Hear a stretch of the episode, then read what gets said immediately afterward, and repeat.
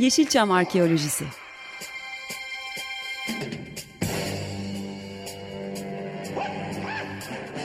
Türk sineması ve Yeşilçam'ın besin kaynakları, emekçileri ve kıyıda köşede kalmış hikayeleri.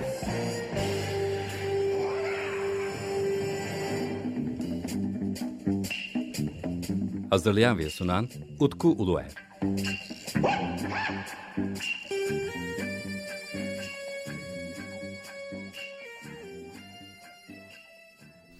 Merhabalar değerli Yeşilçam Arkusi dinleyicileri. Açık Radyo 94.9'dayız. Ee, yine 15 günde bir yayınlanıyor artık programımız biliyorsunuz. Ve çok değerli iki konuğum var bugün.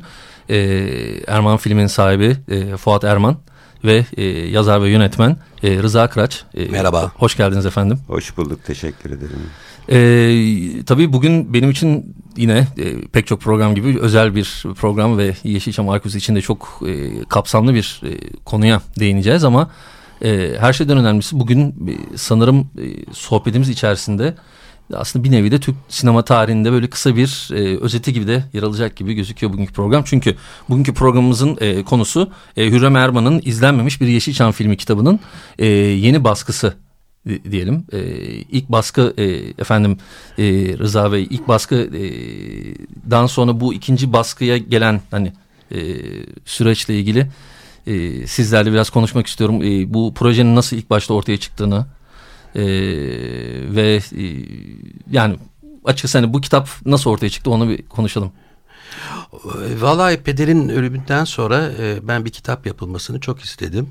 E, bir de belgesel olsun dedim. E, burada e, annem biraz e, çekimser davrandı ve bu ikisini de istemedi. Biz bastırdıkça da e, iyice e, geriye çekildi. İstemedim, istemiyorum dedi. Baban da istemezdi dedi. E, bunun üzerine ben beklemeyi tercih ettim. E, çok ilginç bir şey oldu. Önemli eleştirmenlerimizden biri e, bir e, Antalya Festivali yazısı yazı dizisi Hı. hazırlıyordu. İşte orada e, babam e, onları bir yere davet etmiş. Sonra da parayı vermemiş. Yani ilk, e, ilk davetin sahibi olmamış gibi bir şey çıkmış. Tı o çok işe yaradı. Annem bundan alındı. Yani ben de dedim ki bak e, yani genelde insanlar vefat ettikten sonra işte herkes kendi versiyonunu veriyor bunu engelleyemeyiz. Evet. Ama biz de kendi versiyonumuzu verelim ki ee, bir de bizim versiyonumuz olsun. Ee, oradan yakaladım annemi ve kitabı e, hazırlamak için bir arkadaşa başvurduk. İbrahim Türk. Fakat o Amerika seyahati çıktı. Yani uzun soluklu bir Amerika hı hı. seyahati. Ee, Amerika'ya yerleşmek üzere. Onun üzerine e, biz e, ne yapalım falan derken aklıma Rıza geldi. Rıza ile evvelden böyle hoş bir vesileyle tanışıyorduk. Ee, ve Rıza'ya döndüm. Rıza ben hazırım dedi. Ee, ve biz kitabı e, Rıza çalışmaya başladı. Yani kitap yayınlanacak mı, yayınlanmayacak mı? Çünkü yayıncılarla biliyorsunuz dans etmek kolay bir şey değil. Ee, biz işte Rıza'ya sen çalış dedik. Sürede e, koymadık yani şu kadar zamanda bitir diye. Eksik olmasın o bitirdi, çalıştı. Ee, o sırada e, draft çıktı. Onu bir arkadaş tesadüfen can yayınlarında e, dışarıdan çalışan bir arkadaş ben dedi bunu dedi bir edit edeyim yani editör olarak. Aldı kolunun altına can yayınlarına gitti. O sırada da Celal Bey, Celal Üster bunu görmüş kolunun altında. Ya nedir o kitap ver bakayım bana demiş. Draft falan almış. Tamam biz bunu yayınlıyoruz demiş. Yani o bakımdan çok büyük bir şansımız oldu. Ee, burada merak ettiğim bir nokta var. Ee, aslında kitabın 10. yılında olmuş oluyor ama ikinci baskı demek istemedim. Yeni baskısı demeyi tercih ettim. Doğru, ben. doğru. Ee, bunu size de sormak istiyorum. Sizce doğru bir yaklaşımda bulunuyorum. Doğru. Yani biz istedik bir ikinci basım olsun diye. E, belli yerlere başvurduk. Oradan hemen cevap gelmedi. Bir arkadaşımız Aşikio yayınları hı hı. E, sıcak baktı. Rıza da tanıyor e, ve bu kitabı yaptı. Birinciden içerik olarak tekste bir değişiklik yok. Fotoğraflar farklı. Galiba e, e, bölüm başındaki sayfalardaki alıntı cümleler farklı. E, bütün olay bu. Anladım. E, peki e, kaç yılında başladı e, kitabın e, macerası? Çünkü 2008 yılında çıktıysa ilk. E vallahi galiba 2006 falandı değil mi? Sanki sen en azından bir iki sene çalıştın evet, gibi geliyor iki, bana. iki yıl kadar bir üstüne çalıştım. Ee, röportajlar yapmak gerekli hayattaki. Videoya aldın. E, evet. Bütün röportajları da videoya çektim. Hala elimde e, CD'leri falan var. Tabii çok kaynak taramak gerekiyordu. Sadece kitaplar değil, dergiler, eski röportajlar, sesli ve e, bulabildiğim kadar görüntülü malzeme. E bir de Erman filmin hemen hemen bütün külliyatını yeniden izlemem gerekiyordu ki filmleri üstüne bir şey söyleyebileyim. O konuda e, ciddi bir video arşivi vardı Erman filmin. Ondan e, yararlandım. Birçok filmi yeniden izledim. Büyük kısmını zaten biliyordum.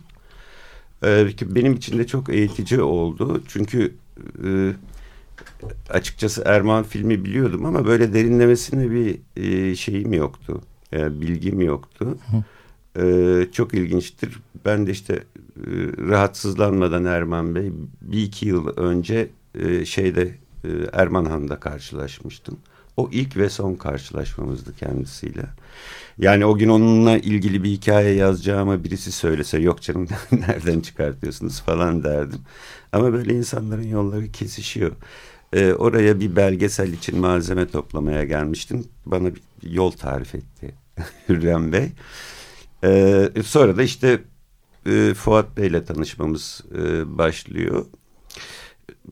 Fakat biraz ürpertici bir iştir aslında e, bir yapımcıyla ilgili e, bir kitap hazırlamak. Çünkü biliyorsunuz çok ciddi bir ön yargı var Türkiye'de. Bir, kısmı haklı, bir kısmı da e, gerçekten şehir hikayesi diye ya da e, sonradan abarta abarta e, başka e, şekillere bürünmüş durumlar. Yani ben şunu itiraf edeyim. Türkiye'deki yapımcılık sistemini bu kitabı yazarken daha iyi anladım. E, eksilerini artılarını daha iyi gördüm. Yeşilçam'ın film üretme mantığını e, kabul etmediğim yerler, hoşuma gitmeyen yerler olmasına rağmen e, o yıllardaki Avrupa ve dünya sinemasındaki örgütlenmeye baktığımızda çok da kötü değil e, diye düşünüyorum. E, ama hala aslında onun mantığı devam ediyor bir yanıyla. Nerede devam ediyor? Ee, kötü örnek olarak bence televizyonlarda, televizyon dizilerinde Hı. devam ediyor. Özellikle ön sözde bir karşılaştırma var orada. iyi ve kötü. Hani Yeşilçam'ın iyi ve kötülerinin evet. O çok hoşuma gitmişti ilk kitaba başladığım zaman. Çünkü e, benim de gerçekten düşündüm. Özellikle e, Yeşilçam üzerine araştırma e, da ilerlemeye başladığım zaman aslında çapraz okuma yapmam gerektiğini öğrenmiştim ben. Bu ön söz o açıdan benim için çok e, yani kendimi buldum diyebilirim orada. Biri de e, Fuat Bey bana e, kitabı e, hediye edince e, tabii o dönemlerde daha böyle araştırma hani araştırmacılık ol, araştırmacı olmaya başladım dönem diyeyim birazcık daha böyle kendim onu keşfetmeye başladım. E, kendimde de bir eksik gördüm aslında. Ben de yapım şirketleri üzerinden gitmemişim. Hep film üzerinden ya da oyuncular üzerinden e, ele alıyoruz. E, bu açıdan bence önemli eksiklerden bir tanesi yapım şirketlerinin kitapların olmaması. Ya bilmiyorum siz ne düşünüyorsunuz bu konuda ama. Ya ben ha, bir tek Gök, Gökhan Akçura'nın e, aile boyu sinemasını biliyorum. Hmm. Bir de Giovanni Scaminiglio'nun e, Türker İnanoğlu ile ilgili yazdığı hmm. kitabı onun dışında. Evet. Cemil Filmer'in anıları var. Evet. evet o kendi yazdı. Ee, yani e, kitap olarak başkasının başka yayın evlerinin yapması gerekiyor mu diyorsunuz? Yoksa mesela burada Rıza'nın hazırladığı kitapta şöyle bir e, olumlu bir taraf var. Hürrem Erman'ın hayatı. Evet. Kaçınılmaz. Ama Erman filmin tarihi. Ama sinemanın en parlak olduğu 1946-86 dönemi. Evet. Anlatabildim mi? Yani o bakımdan bu bir aslında e, bir anlamda Erman film kitabı. Ama siz derseniz ki hani böyle 4-5 yapımcıyı bir yere bir araya alan kitap onlar tabii e, niye olmasın? Ya e, epey Yeşilçam filmi iz, izlediğimi düşünüyorum. Yani kendi açımdan en azından. E, ve benim için hani hep 70'li yıllardır aslında. Yani belki benim jenerasyonla ilgili ama bu kitabı okuyan birisi kesinlikle Türk sinemasının e, işte o yukarı hani e, altın döneminin daha farklı olduğunu görecek. Bence sinema hani okullarında da e, kaynak kitap olarak gösterilmeli. Çünkü e, bir geçiş, geçiş dönemleri var ve hepsinin merkezinde Erman filmi yer almış. E, bu, bu açıdan bence bayağı önemli. Ya, önemli bir de şey o ön sözle ilgili söylediğin şeye bir değinmek istiyorum. Evet. Oradan buraya geleyim. Şimdi bir, biz gerçekten gri tonlarını kaybetmiş bir toplum olarak yaşamaya başladık. Yani iyiler kötüler e, işte tukakalar falan gibi. Halbuki arada ciddi nüanslar var. Yani Green'in 50 tonu sadece erotik bir kitap değil. Hayatımızda yer alan e, farklı şeylere e, yaklaşım biçimimizi belirleyen bir unsur. O gri tonlar arasında e, doğru şeylerin yapıldığı, yanlış şeylerin yapıldığı, üretildiği ya da tüketildiği dönemler olmuş. Yeşilçam o anlamda ciddi bir zenginlik taşıyor ve e, buna dair bilgimizin e, sürekli tazelenmesi gerekiyor.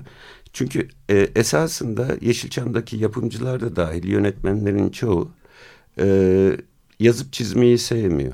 Yani Atıf Yılmaz'ı, e, Lütfü Akat'ı, Halit Refik'i iki üç tane ismi daha başka bir köşeye koyarsak kendi hikayelerini anlatan insanlar değil. Çoğu işte yanına birisi gelmiş röportaj yapmak istemiş.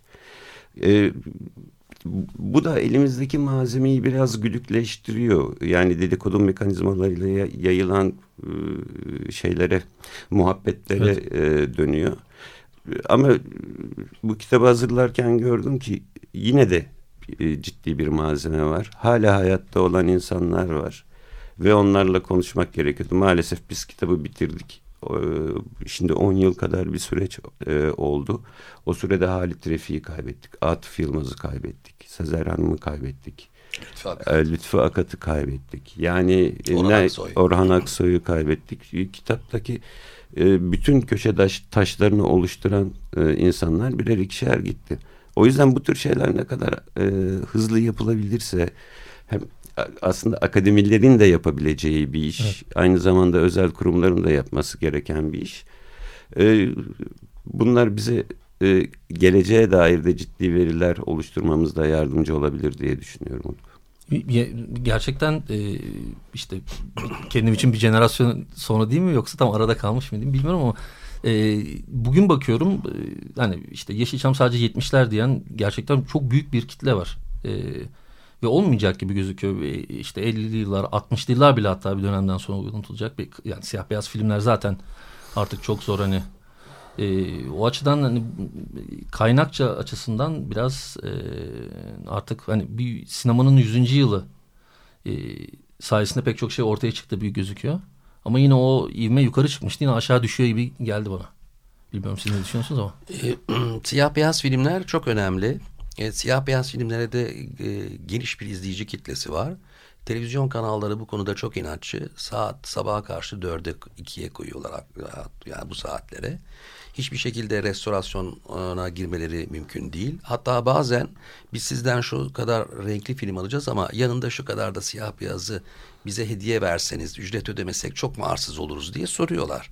E yani şimdi böyle bir yaklaşımdan tabii onları kurtarmak imkansız. Hani e, tek yapılacak şey en azından onların bu hard disklere falan alınıp e, evet. e, ileride bir tamirat veya tekrar bir ilgi olursa bir restorasyon e, fırsatı onları restore etmek. Yani e, dediğiniz gibi e, bunun tarihini yazmak için her şeyi sadece dergileri, kitapları değil muhakkak onlar da gerekli filmleri de e, muhafaza etmek lazım. Evet. Ve restore ederek muhafaza etmek lazım. Ee, size sormak istedim merak ettiğim bir konu var. Çünkü e, gördüğüm kadarıyla e, yani kendi filmlerine sahip çıkmış aslında e, yapım firması da çok az. Çok doğru. E, Erman Film'in elinde bütün filmler var mı? Var. O da şu nedenden yani filmler e, belki biliyorsunuz çok kısa bir parantez fazla e, yayılmadan e, filmlerin çoğu yapımcılar tarafından zamanında ki buna Erman Film'de dahil babam da dahil televizyonlara satıldı. Hı hı. O televizyonlara satıldıktan sonra çok büyük paralar da değildi. Öyle insanların abarttığı kadar. Hatta bence çok küçük paralardı. Ee, sonra belli bir zaman sonra Avrupa Birliği'ne gireceğiz diye Avrupa Birliği uyum yasalarında en önemli konu telif. Ve otomatikman o filmler e, sözleşmenin şartları ne olursa olsun bize döndü. Hı. Yani esas yapımcılarına. O çok büyük bir şanstı. E, o böylece filmleri bize tekrar sahip olduk. E, başka firmalarda size şöyle söyleyeyim 3-4 tane sahip değiştirmiş filmler var. Evet. Çünkü firmalar batmış işte veya artık o etkinliklerini durdurmuşlar. Başkasına satmışlar. O kalkmış başkasına satmış. Onun için gerçek sahiplerinden çok uzaklaşmış filmler de var. E, diğer bir konu ise yani bu filmler geri geldi. Bunların restorasyon yapılması, restore edilmesi artık şart. Çünkü hiçbir televizyon kanalı artık restore edilmeden, HD olmadan bir film kabul etmiyor. Bu da iyi bir yaptırım oldu. Biz de işte Erman film olaraktan e, harekete geçtik ve aşağı yukarı 22 film, 25 film kadar e, filmi restore ettik ama bu yeterli mi değil. Merak ettiğim için Buyurun. e, gerçekten mesela e, bugün bir ayakta kalabilmiş bir yapım şirketinin kendi festivalini, film festivalini yapabilmesi mümkün mü? Çok, tabii niye olmasın ama böyle bir talep yok. Yani istenilen hep belli bir şekilde listeden seçilen filmler. Yani onlar tabii bazı talepler çok değerli. Örneğin şöyle söyleyeyim. E, Gelin restore edildi. Biz restore edilirken hiç böyle bir şey olacağını tahmin etmiyorduk. Çok kısa bir süre sonra e, İtalya'da Venedik Film Festivali'nde e, restore edilmiş klasikler arasında oynadı. Yani Truffaut'un işte Bresson'un filmlerinin olduğu. Hatta Hülya Hanım kalktı buradan gitti e, oraya. E, yani mesela bu çok güzel bir e, taltif e, bir açıdan. Çünkü e, bazı filmler bence e, e, sinemada izlenmesi gerekiyor. Yani Erman filmin Tabii, bazı tabii. filmler özellikle siyah beyaz filmler bence sinemada izlenmesi çok değişik Yapılabilir ama böyle bir talep yok. Yani festivaller hep işte tema üzerinden dönüyor. Ee, bazı filmlerimiz var yani mesela Gelin hani neredeyse ay geçmiyor ki ya bir üniversite Evet. ya bir festival tarafından talep edilmesin. Ee, başka filmler daha az Ee, ama biz her zaman tabii böyle bir şeye sıcak bakarız yani niye olmasın. Yani keşke yılda bir gün e, işte o Tabii. günümüzü üç tane Arzu film, Evet. Festivali olsa Evet. değil mi? Yani filmleri de üç mesela e, işte Hababam sınıfı maratonu gibi. Evet evet, evet. Bu tip şeyler olmuyor gibi gözüküyor. olmuyor. Anladım. Ya üzücü bir şey. Ben bana e, bu konuyla ilgili gelen soruların hepsi e, filmler restore edilecek mi diye. Restorasyonlar olacak mı? Yani şöyle onu e, şöyle anlatayım çok kısaca. E, televizyondan belli bir lisans ücreti alıyoruz. Onlar bizden 25-30 film aldığında o lisans ücretinin ya tamamını ya büyük bir kısmını restorasyona ayırıyorum. Yani onları oraya bu filmler kurtuldu diyorum. E, bu olmadıkça yani bu kesintiye uğradıkça o restorasyon da kesintiye uğruyor. Ee, yoksa ben benim görüşüm yani siyah beyazlar da dahil olmak üzere bütün filmler restore edilmeli. Çünkü çok kazanıyor hakikaten yani televizyonda restore edilmiş bir film yani sadece renkler değil işte arkaya doğru olan derinlik e, yani her şey bambaşka oluyor. Ben bir adım daha ileri gitmek istiyorum. E, mesela kamera arkası görüntüleri hiç var mı filmlerin? O zaman öyle bir adet yok ama bakın Avrupa filmlerinde de yok Amerikan filmlerinde de yok çünkü Bir, bir- mesela şans eseri yok. kalmış bir şey yok mu? hiç? Hiçbir şey yok. Hiçbir şey. Sadece bizim e, benim ve kardeşimin sünnet filmi var sessiz.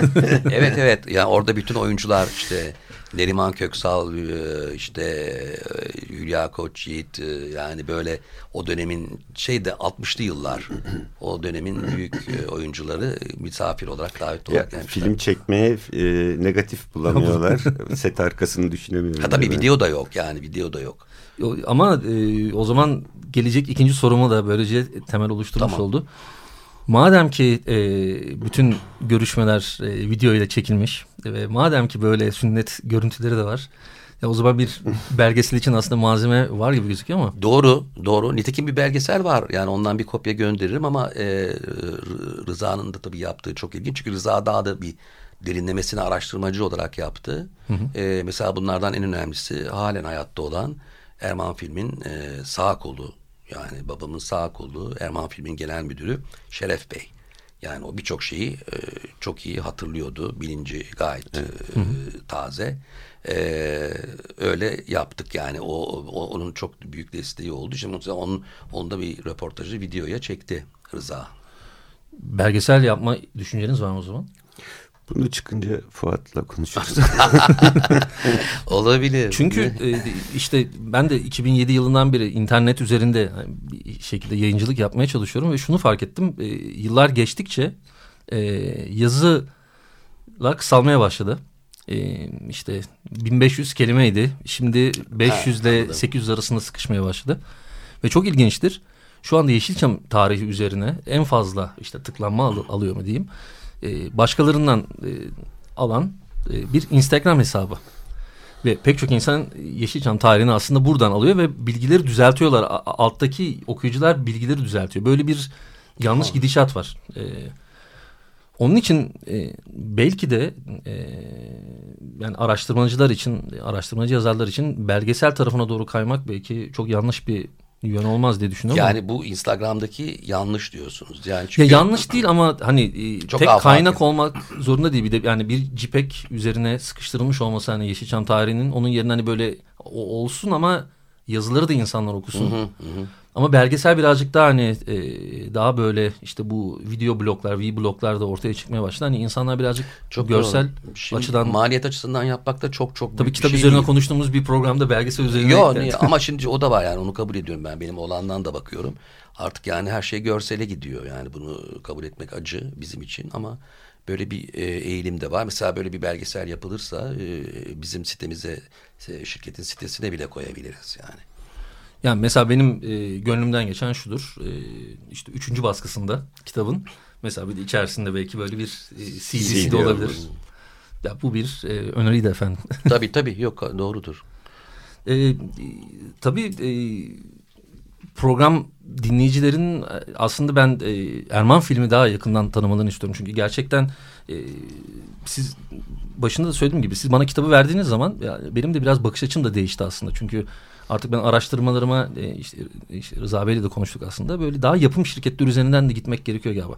E, Yeşilçam araştırmalarında. Yani, yani ya- daha doğrusu Türk sineması araştırmaları.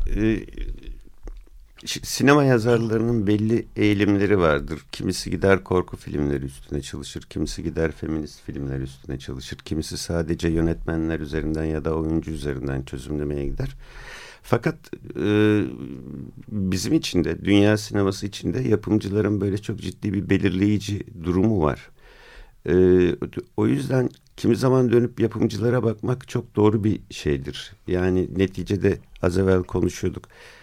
Arzu filmi herkes biliyor ama İrfan Ünal'ı bilmiyor. Ee, ondan sonra Erman filmi e, sinema şirketi olarak biliyor ama e, Yeşilçam'da nasıl etkin bir e, firma olduğuna dair e, bir bilgi yoktu.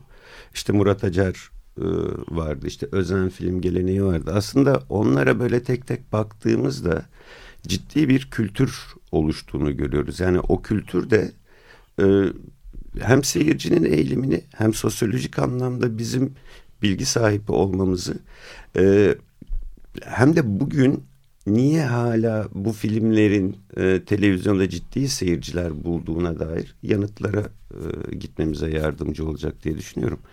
E, yapımcıların rolünü e, çok o yüzden e, hafife almamak gerekiyor. Neticede e, Arzu filmde Ertem Eğilmez'in yapımcılığında e, şeyinde geçen e, biçimlenen Evet. e, bir, bir sinema anlayışı vardı. Ha, o da başka yerde. Belki Hulki Sener'den bir parça etkilendi. Başka şeylerden. Hep böyle bir etkileşim olmuş zaten. Ama bir şeyi e, söyleyeyim burada. Yapımcıların et- şöyle bir etkisi olduğu açık. Bakıyor en önemli rakibi iyi bir film yapmış. Sadece gişede değil. Teknik anlamda bilmem ne de, de e, iyi bir film yapmış. Onu aşmaya çalışıyor. Ben bunu konuşurken e, röportajlarım sırasında da e, gördüm. Yani hep böyle bir şey var. Bir rekabet var. Sadece bu gösterim koşulları şu oyuncuyu alayım, bu oyuncuyu alayım değil de daha nitelikli film e, yapayım kaygısı da oluşuyor. O zaman şimdinin tam tersi oluyor. E, bir nevi öyle. Şimdi deadline denen şey var. Bir film çekiyorsun işte şu festivale, şu gösterim tarihine falan yetiştirmek için çırpınıyorlar.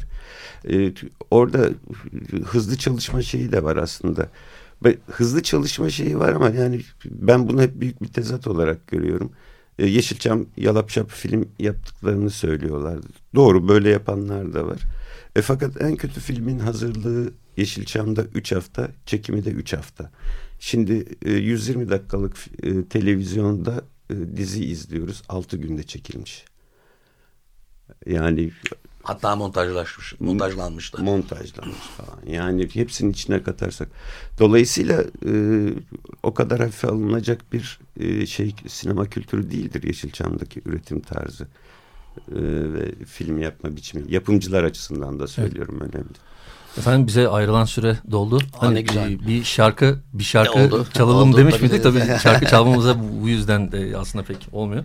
Ee, ben tekrar hatırlatmak istiyorum. Ee, Rıza Kıraç'ın kaleme aldığı e, Hürrem Erman bir izlenmemiş bir Yeşilçam e, filmi kitabı.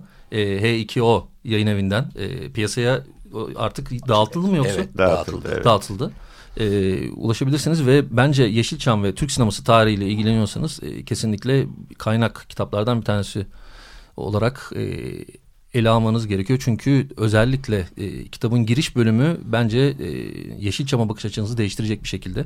Hürrem Bey'in hikayesi de öyle zaten. Çok teşekkür ederim. Ben ee, teşekkür ediyorum. Sağ olun. E, bu tabii yani başka şekillerde ben sizleri rahatsız edeceğim. E, ne güzel.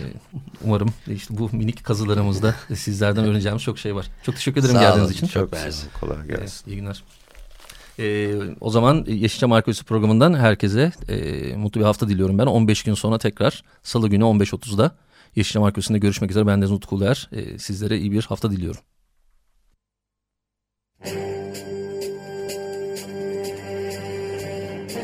Yeşilçam Arkeolojisi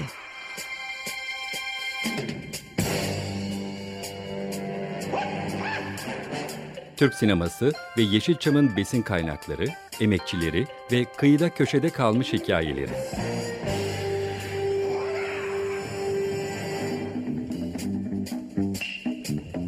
Hazırlayan ve sunan Utku Uluer.